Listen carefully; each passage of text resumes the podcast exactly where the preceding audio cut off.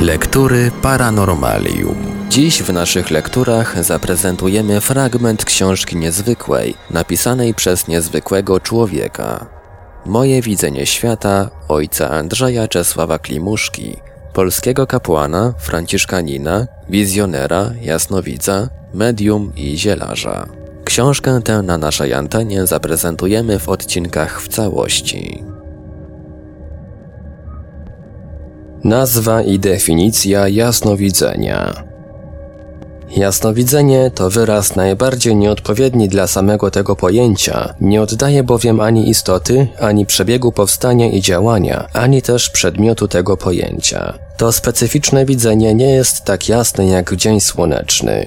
Przeciwnie, stawia ono jasnowidza w głębi ciemnego jak noc labiryntu, skąd musi on wyjść po omacku na światło dzienne. Jasnowic podczas usiłowania odkrycia wizji jest podobny do alpinisty, co wdziera się wśród skał i przepaści w ciemne jak ołów chmurze na szczyt górski, skąd dopiero może w blaskach słonecznych dojrzeć szerokie krajobrazy. Właściwsza już byłaby nazwa psychowizja, transpsychowizja, parapsychowizja, psychotelewizja lub coś podobnego. Jeszcze większą trudność sprawia definicja jasnowidzenia. Jest ono tak bogate w treść, obejmuje tak wielką ilość różnorodnych zjawisk i przebiega po nieznanej płaszczyźnie w nieuchwytnych wymiarach, że niełatwo znaleźć dlań odpowiednią i dokładną definicję. Zresztą w każdej dziedzinie naukowej żadna definicja nie jest zdolna określić ściśle i w pełni swego przedmiotu, nie będzie adekwatna do treści i charakteru samego pojęcia. Spróbujmy zdefiniować jasnowidzenie w sensie najwłaściwszym. Jasnowidzenie jest to specyficzna ludzka zdolność widzenia rzeczy i wydarzeń poprzez materię, przestrzeń i poza granicami czasu. Albo jest to wiedza o przedmiocie lub wydarzeniu nabyta bez udziału zmysłów. Jeszcze inaczej, jest to osiągnięcie celu bez zastosowania do tego pomocniczych środków. Albo wreszcie jest to widzenie pozazmysłowe rzeczy podpadających pod zmysły. Chcę tutaj nadmienić, że według mojego mniemania określenie zdolności jasnowidzenia jest absurdem. Po pierwsze dlatego, że nie wiadomo, czy człowiek ma rzeczywiście tylko pięć zmysłów, czy czasami nie więcej. Po drugie, cóż ma ten najwyższy atrybut naszej psychiki, zdolność jasnowidzenia, wspólnego ze zmysłami? Nauka poznała dokładnie wszystkie pięć zmysłów pod względem ich anatomii, fizjologii, lokalizacji i działania. Istota natomiast jasnowidzenia jest dla nauki jeszcze nieuchwytna, tajemna, wkraczająca poniekąd w dziedzinę metafizyki. W każdym razie jasnowidzenia nie można wtłoczyć w sferę zmysłów.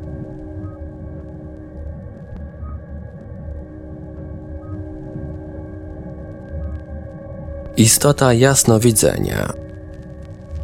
Jaka jest forma energii czynnej w porozumieniu telepatycznym i w jasnowidzeniu, nie wiemy. Wszystkie nauki, których przedmiotem jest człowiek, są nadal niezupełne. Wiemy tylko z psychologii, biologii i filozofii, że wszystko co dotyczy świadomości musi przejść przez system nerwowy i zmysły. Jasnowic natomiast, dzięki jakiejś nadświadomości, chwyta wprost rzeczywistość. Widzi obrazy, wydarzenia w odległej przestrzeni i czasie. Dla niego zarówno przeszłość, jak i przyszłość są niekiedy aktualną teraźniejszością.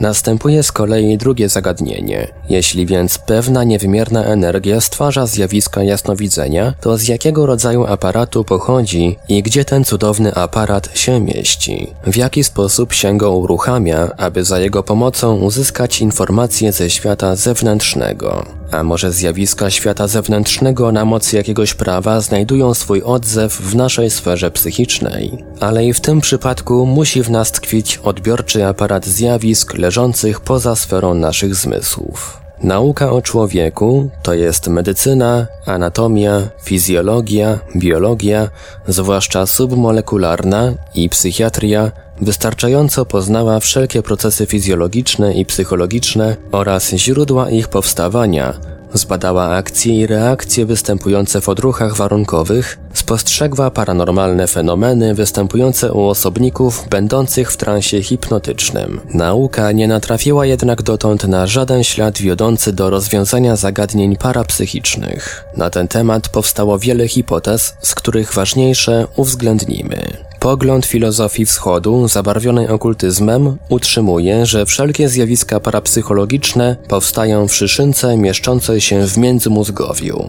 W płatach czołowych obrazy informacyjne się odbijają i są odczytywane przez jasnowidza. Jest to teoria nie do przyjęcia. Brak jej racjonalnego uzasadnienia.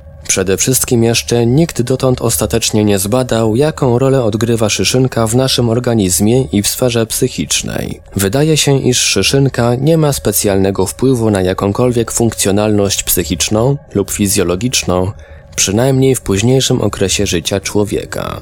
Według mojego mniemania jest ona, owszem, pewnym regulatorem i transformatorem energii elektromagnetycznej oraz biologicznych prądów w ustroju człowieka przed jego dojrzałością i pełnią wzrostu. Z chwilą osiągnięcia tych postulatów organicznych szyszynka traci swą rację bytu i jako już niepotrzebna zaczyna zanikać przez zrogowacenie. Wybitny znawca i wnikliwy badacz bioelektroniki, profesor Manczarski, tłumaczy zjawiska parapsychiczne teorią śladowości oraz fal elektromagnetycznych. Według tej teorii każdy dotknięty przez człowieka przedmiot posiada odbity na sobie pewien ślad substancji subtelnej w formie jakby fotografii lub żywego obrazu. Substancja ta, w momencie kiedy jasnowic weźmie do ręki przedmiot dotknięty przez daną osobę, zostaje przez niego dzięki receptorom skóry wchłonięta do ustroju, potęguje się w nim na mocy procesów chemicznych, dostaje się do systemu nerwowego i w ten sposób pozwala jasnowidzowi odczuć ożywiony obraz osoby zostawiony na dotkniętym przez nią przedmiocie. Jeżeli moja interpretacja teorii profesora Manczarskiego jest prawidłowa, to by wyśmienicie wyjaśniała istotę psychometrii i psychoskopii, które polegają na tym, że jasnowidz przez dotykanie przedmiotu mającego uprzednio jakąkolwiek styczność z danym człowiekiem nawiązuje tą drogą kontakt z nim i uzyskuje aktualną o nim informację. Jako klasyczny przykład psychometrii niech nam posłuży fakt, jaki wydarzył się w naszym kraju przed wojną. Polacy, biorący udział w międzynarodowym wyścigu balonowym, pewnego dnia gdzieś zaginęli nad terenem Rosji. Wszelka radiowa łączność z nimi została przerwana. Wówczas przyniesiono Osowieckiemu stare ubranie jednego z zaginionych. Osowiecki wziął ubranie do ręki, mocno się skoncentrował i po krótkiej chwili rzekł: Widzę ich mocno wycieńczonych, kroczących po zaspach śnieżnych w kierunku południa. Dookoła nich straszliwe pustkowie. Jest to Syberia. I rzeczywiście, wkrótce potem radziecka ekspedycja odnalazła rozbitków w tajgach syberyjskich i odesłała ich do Polski. W ostatnich czasach pojawiła się jeszcze inna hipoteza usiłująca wyjaśnić zjawiska parapsychiczne. Opiera ona swe wywody również na układzie i działaniu fal elektromagnetycznych.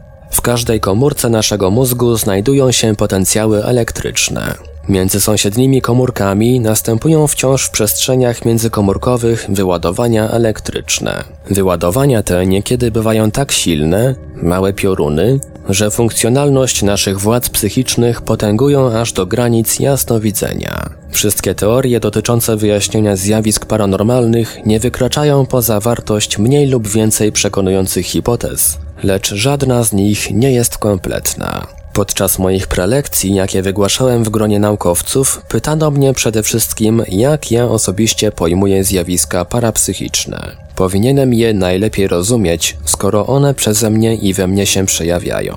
Owszem, przez 25 lat badałem te zagadnienia obiektywnie, opierając się na obserwacjach i posługując się wypracowaną metodą.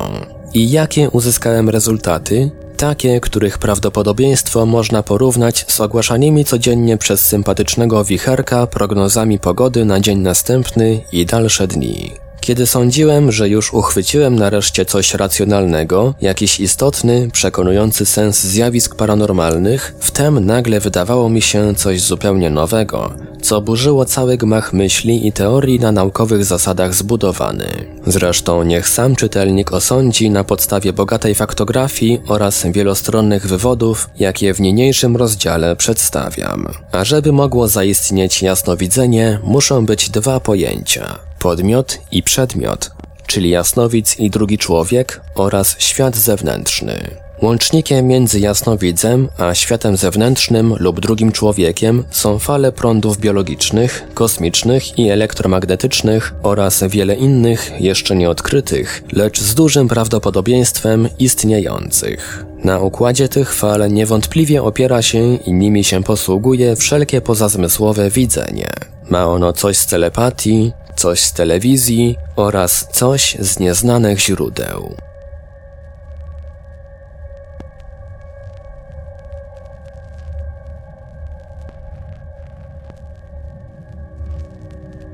Był to fragment książki Moje widzenie świata ojca Andrzeja Czesława Klimuszki. Dalszy ciąg w kolejnym odcinku Lektur Paranormalium. Lektury Paranormalium.